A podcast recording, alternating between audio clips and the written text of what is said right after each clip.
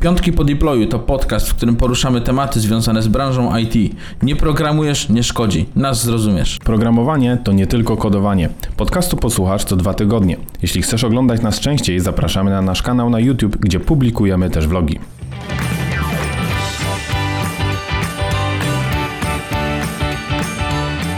W tym odcinku Piątków po deployu będziemy mówić o Fediversum i jest ze mną Kuba Orlik. Kuba dzieli się świetnymi informacjami na ten temat, dlatego zapraszam Was do odsłuchania tego odcinka.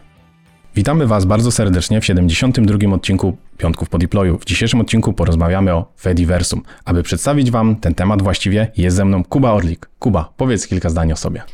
Cześć, e, nazywam się Kuba Orlik. E, jestem, e, ojejku, wieloma rzeczami można powiedzieć. Jestem programistą, jestem trenerem technicznym, prowadzę szkolenia między innymi w niebezpieczniku, ale jakby moją taką, myślę, główną tożsamością jest bycie aktywistą na rzecz prawa do prywatności w świecie cyfrowym. Współprowadzę z Arkadiuszem i z Agnieszką inicjatywę Internet Czas Działać, która zajmuje się popularyzacją idei tego, że to użytkownicy powinni mieć kontrolę nad technologią. I um, dlatego też Fediversum jako, um, jako temat, który pozwala nam to osiągnąć, jest tutaj jak najbardziej mi bliski.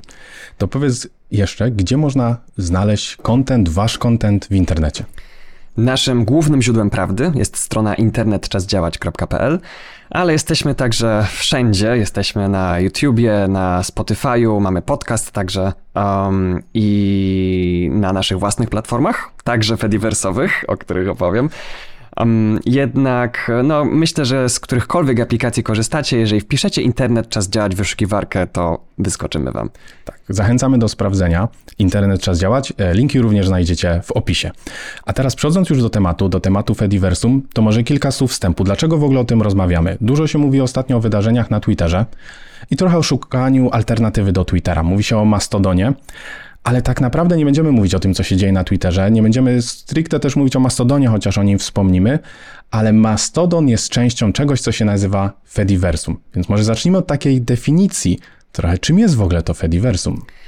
Fediversum to jest um, kolekcja aplikacji, które są aplikacjami do sieci społecznościowych, do sieciowania się społecznościowo.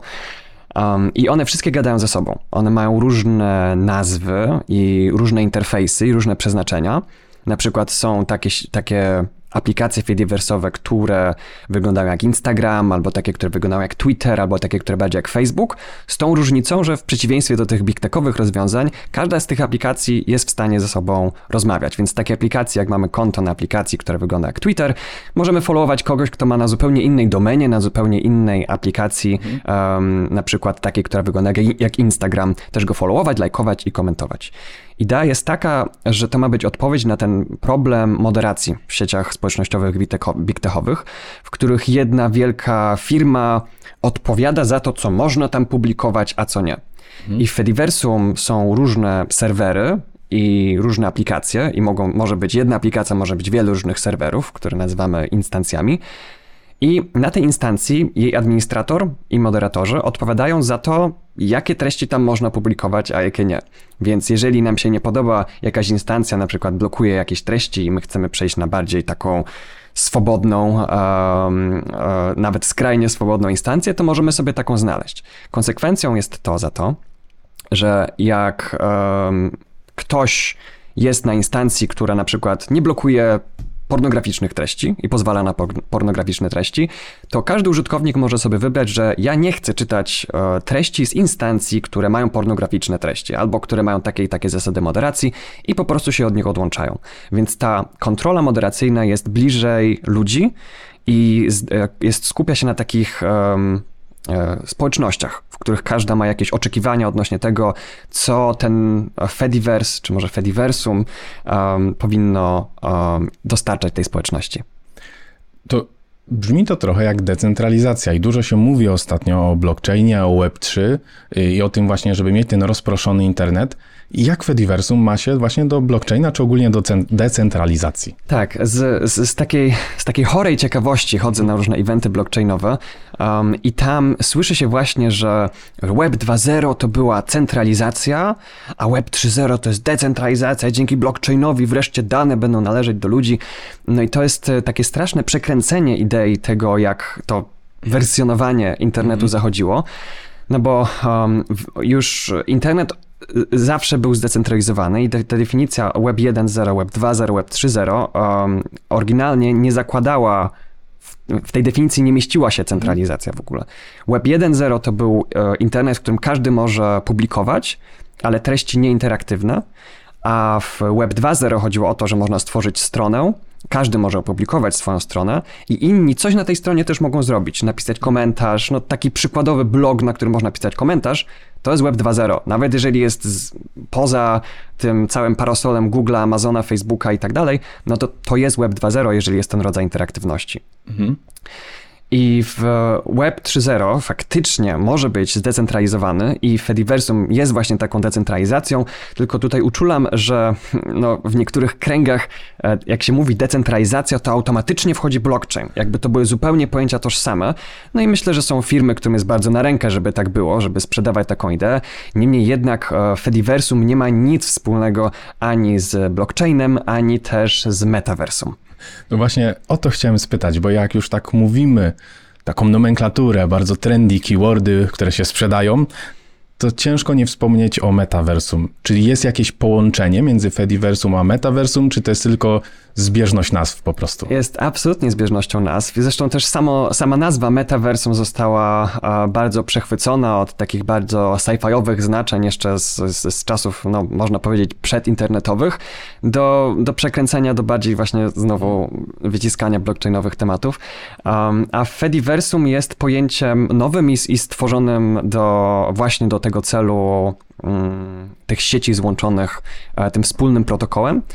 I e, no, jego znaczenie jeszcze nie zostało przed, przez Big Tech w żaden sposób przekręcone, więc jest. Jeszcze. Jeszcze. Mm, to właśnie Zanim wejdziemy takie troszeczkę bardziej techniczne szczegóły, to jeszcze chciałbym porozmawiać, jak to właściwie się dzieje.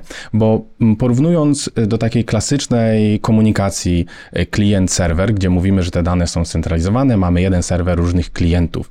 Natomiast mamy jeszcze sieć peer-to-peer, gdzie klienci się komunikują między sobą i Fediversum e, i protokół, na którym Fediversum się opiera, jest trochę czymś pomiędzy, tak? Mamy, klienci się komunikują z serwerami, ale serwerów tych instancji jest kilka i one synchronizują dane między sobą, tak? Dokładnie tak.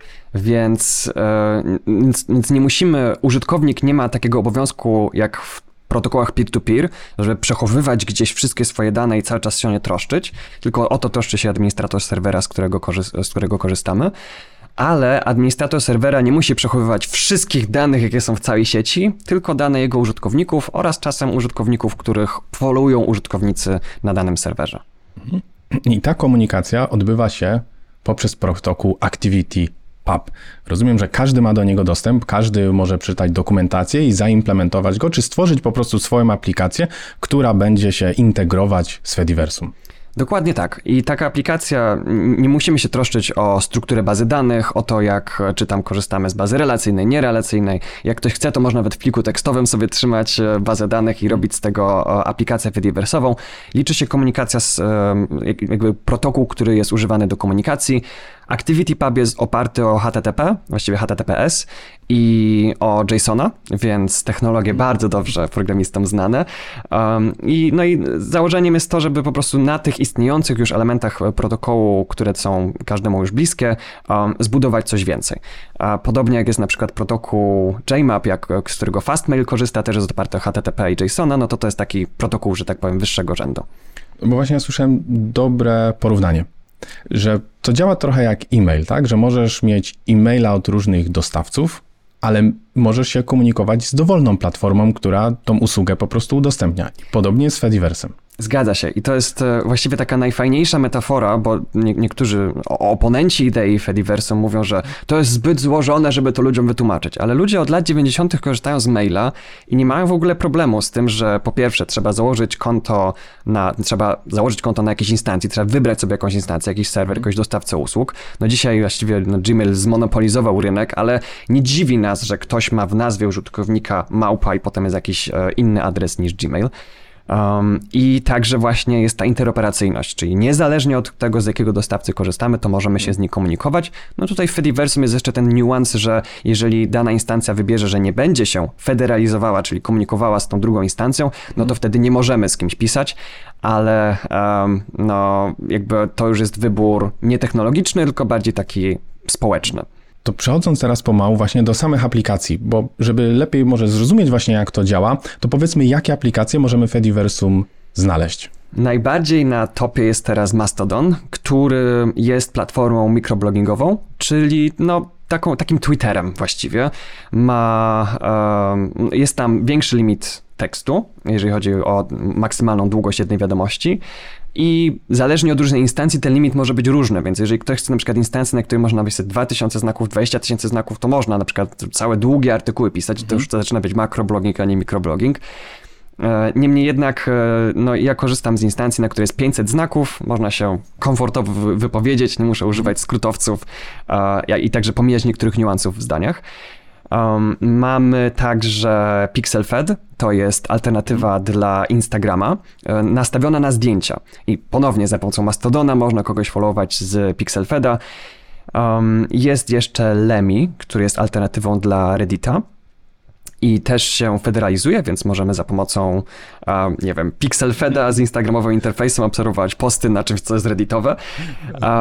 Podobnie mamy także PeerTube, to jest alternatywa dla YouTube'a. Jest oparty także o ActivityPub i pozwala, ale dodatkowo jest także oparty o torrenty, co jest e, ciekawe, bo jak hostujemy wideo, no to musimy się troszczyć o, no, o przepustowość naszego łącza i to działa tak, że jest jakiś, jak jest jakiś bardzo popularny filmik na PeerTube, to wszyscy użytkownicy łączą się e, z PeerTube'em i także udostępniają kawałki filmów między sobą poprzez jakby uruchomiony w, to, w przeglądarce klient torrenta, co odciąża serwer, więc można łatwo zrobić wiralowy filmik bez posiadania wiraloodpornej infrastruktury.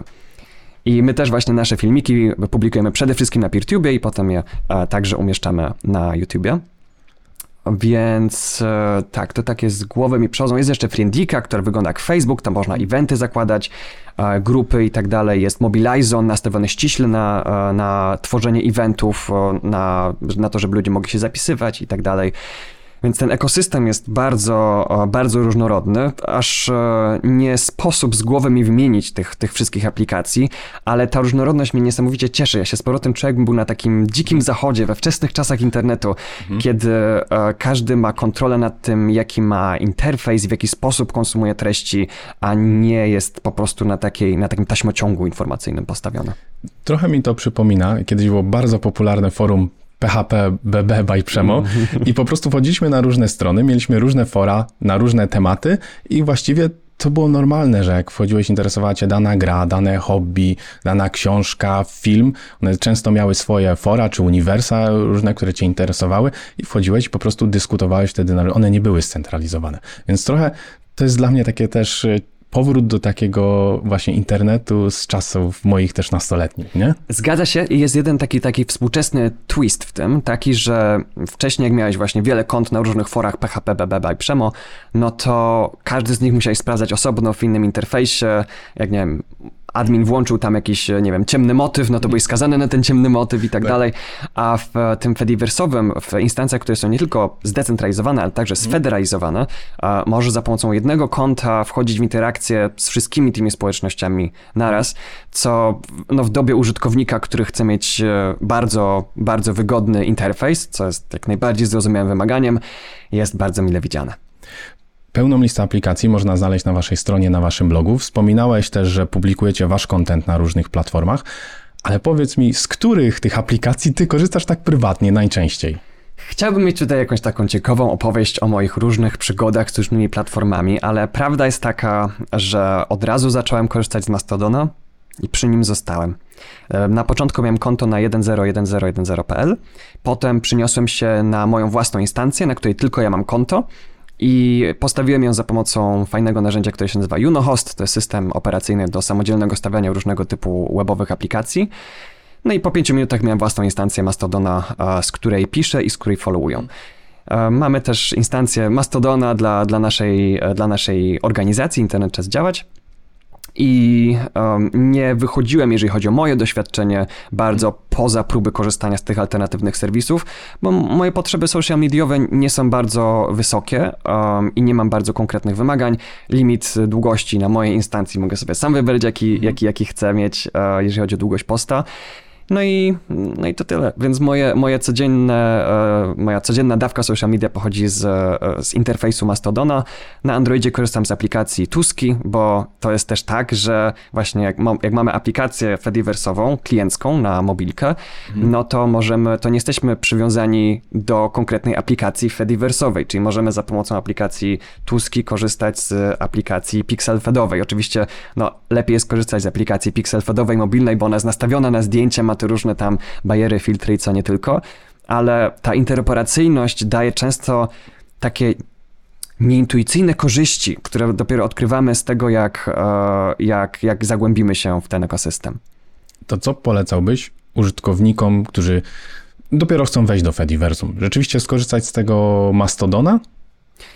Myślę, że to jest dobre, dobry, dobra aplikacja na start. Um, chyba, że ktoś chce właśnie spróbować czegoś bardzo egzotycznego i, i, bardzo mu interfejs Twittera nie, nie odpowiadał, no to wtedy może Findika, może Pleroma, um, może potrzebuje po prostu platformy blogerskiej, jak Write Freely, która jest nastawiona na to, że publikujesz po prostu długie posty, wypowiedzi pisane w Markdownie, ale też pozwala uh, federalizować się za pomocą ActivityPub ale raczej tak, takim głównym strzałem no, hmm. byłby ten taki flagowiec, czyli Flagowiec. Mastodon. Okay. Powiedz mi, bo wspomniałeś, że ty postawiłeś własną instancję Mastodona, na której jesteś tylko ty, na której ty publikujesz, ale ty możesz followować e, użytkowników z innych instancji, czyli stworzyłeś sobie trochę taką własną platformę mikroblogową, tak jak to nazwałeś, która jest tylko twoja, tam są twoje dane, ale równocześnie daje ci to możliwość followowania innych użytkowników z innych instancji. Co więcej, inni mogą boostować, czyli retweetować e, posty, które ja tworzę, no i komentować i, i lajkować moje posty, więc statystyki mam w jednym miejscu. No i nie będzie tak, że jak wrzucę, nie wiem, jakiś kawałek filmiku, w którym jest, nie wiem, słychać w tle Katy Perry czy coś takiego, to mi zdejmą dźwięk z tego filmu, bo to jest moja treść i nikt mi nie będzie się w nią wtrącał. Ktoś mhm. może stworzyć instancję, która nie chce się federalizować z użytkownikami, w których tle filmów czasem pojawia się muzyka Katy Perry, ale no ponownie, to jest już e, wybór socjologiczny bardziej niż technologiczny. To przejdźmy może właśnie już e, do tych bardziej szczegółów technicznych, bo jako programista też interesuje mnie, jak to rzeczywiście działa. Ja o tym słucham i to brzmi fajnie. Dla użytkownika końcowego to jest pewnie aplikacja. Idealnie jakby dla użytkownika końcowego właściwie go nie interesują te szczegóły implementacyjne. On chce otrzymać treść. I teraz mówiliśmy o tym ActivityPub to i, i jestem programistą, chciałbym stworzyć swoją aplikację. Jak zacząć w ogóle? ActivityPub jest protokołem, który jest e, udokumentowany, jest e, RFC, które można sobie przeczytać, e, podobnie jak inne protokoły webowe.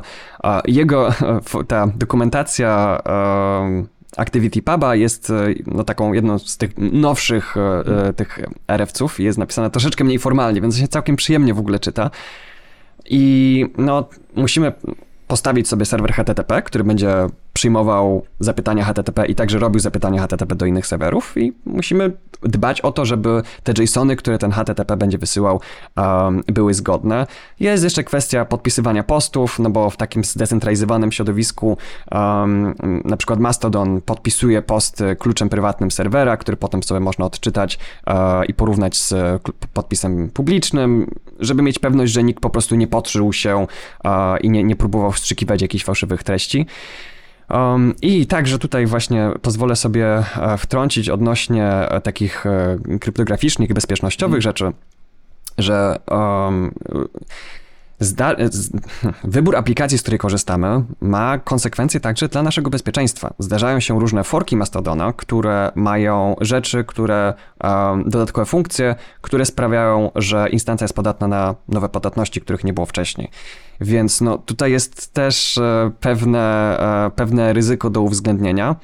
Podobnie jak w przypadku wyboru klienta mailowego, mamy, możemy albo iść do jakiegoś wielkiego flagowca typu mm. Gmail i jakby no, wiedzieć, jakie tam są ograniczenia, ale także jakim możemy zaufaniem darzyć, albo jakby zrobić sobie taki e, bilans ryzyka i spróbować e, z instancji e, bardziej egzotycznych.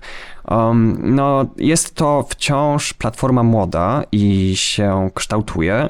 Niemniej jednak, jeżeli chodzi chociażby o sam interfejs, no to w porównaniu do Twittera, interfejs Mastodona jest tak lekki, tak szybki, tak przyjemny w korzystaniu, Twitter jest, jego interfejs webowy jest tak niekompetentnie napisany, że to woła po prostu o pomstę do nieba. Takie rzeczy jak, nie wiem, no loguję się na Twittera, pojawia się na moment ikonka o tym, że są jakieś nowe powiadomienia, potem ona znika i nie wiem, czy to był jakiś glitch, czy nie, no i potem muszę kliknąć, pogodzę się, że nie ma powiadomień, już chcę zamknąć kartę, o nie, jednak są, się pojawiają.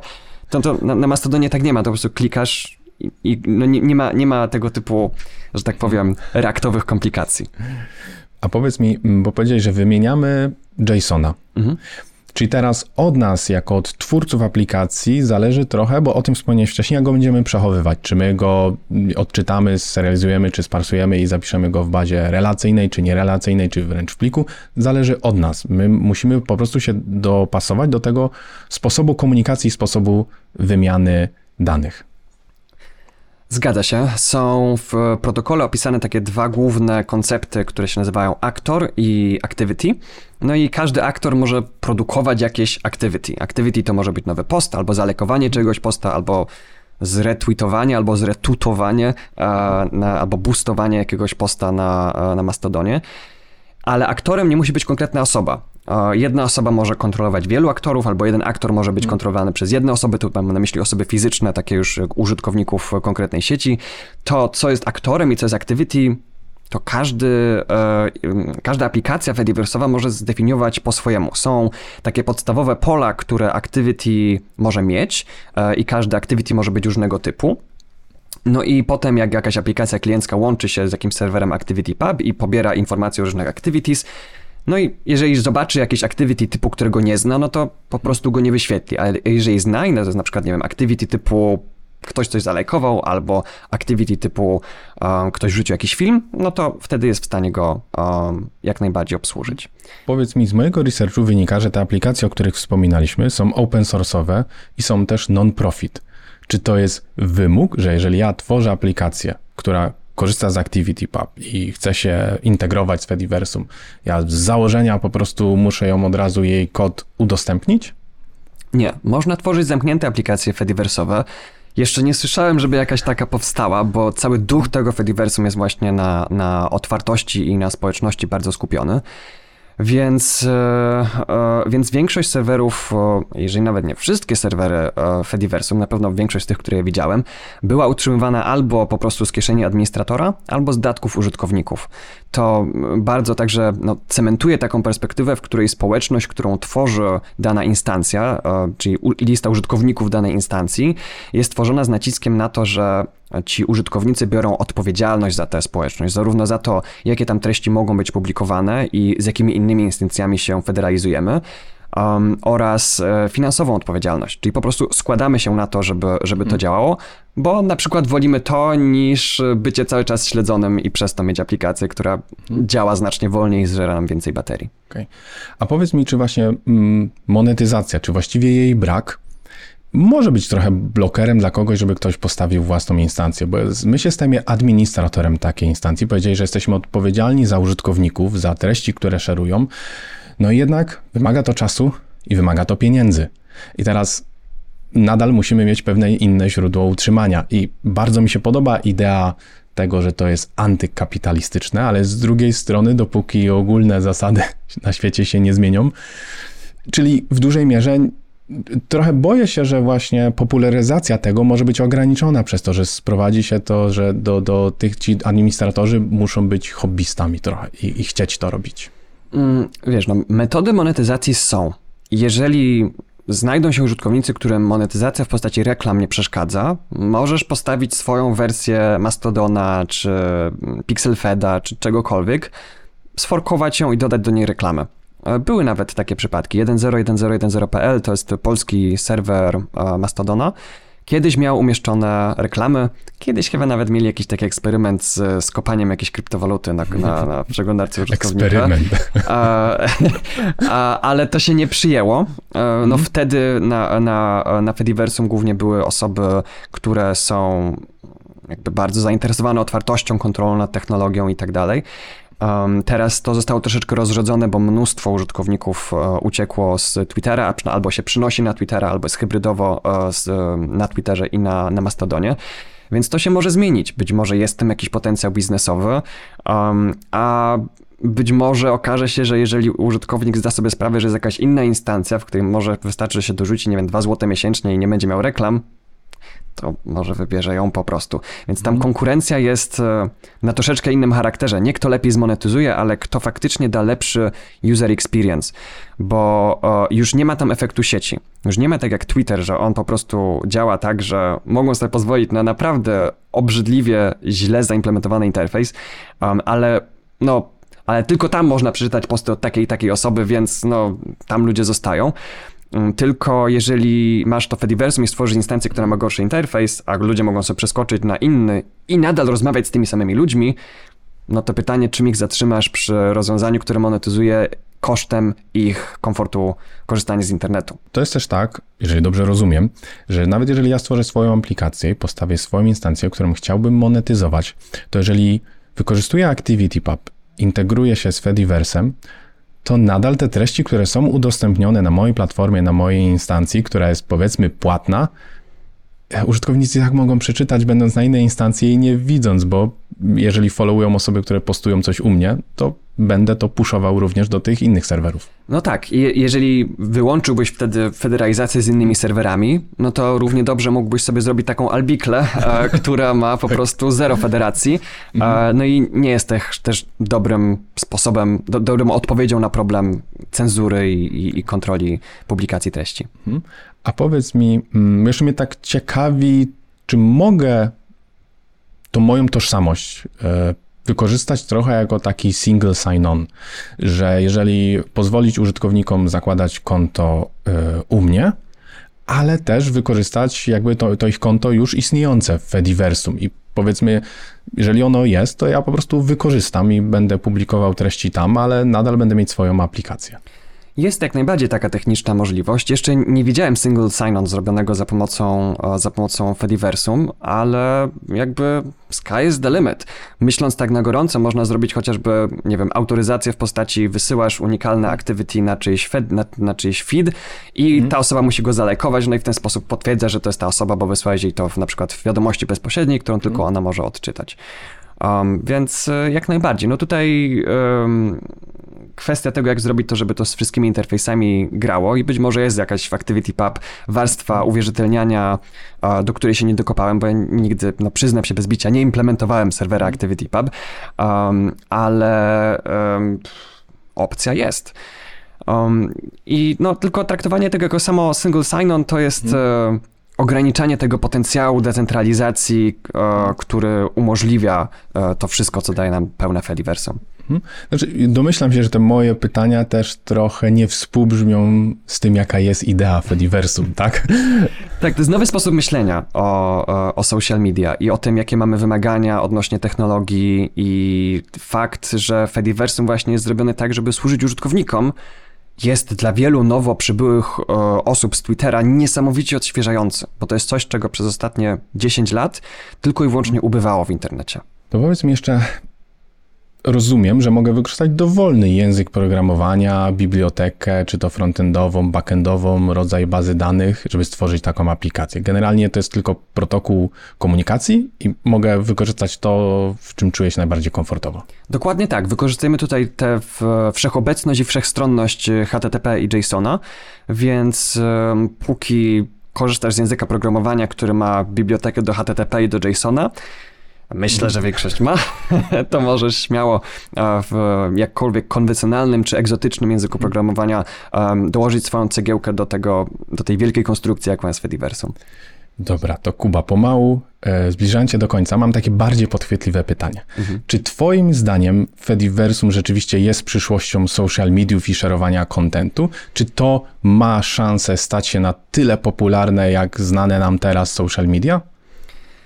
Um, myślę, że to nie jest celem Fediversum. Być tak popularne jak, jak social media, i myślę, że gdyby faktycznie Fediversum stało się, nie wiem, na przykład drugim Instagramem, to, to to było uznane za porażkę, bo um, założenia są inne i to jest też kierowane do troszeczkę innej grupy docelowej, która wcześniej była mocno wykluczana.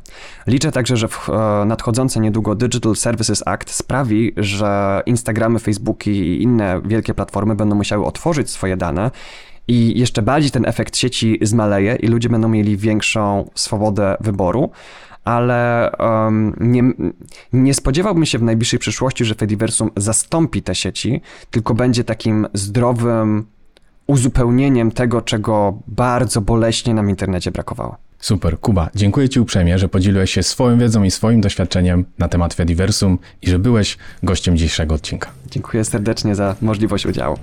Będziemy wdzięczni, jeśli zasubskrybujecie nasz podcast i pamiętajcie, że podcast pojawia się co dwa tygodnie w piątek. Jeśli traficie również na nasz kanał na YouTubie, to zobaczycie także vlogi, które również pojawiają się co dwa tygodnie w piątek, więc jest co oglądać. Dzięki, cześć.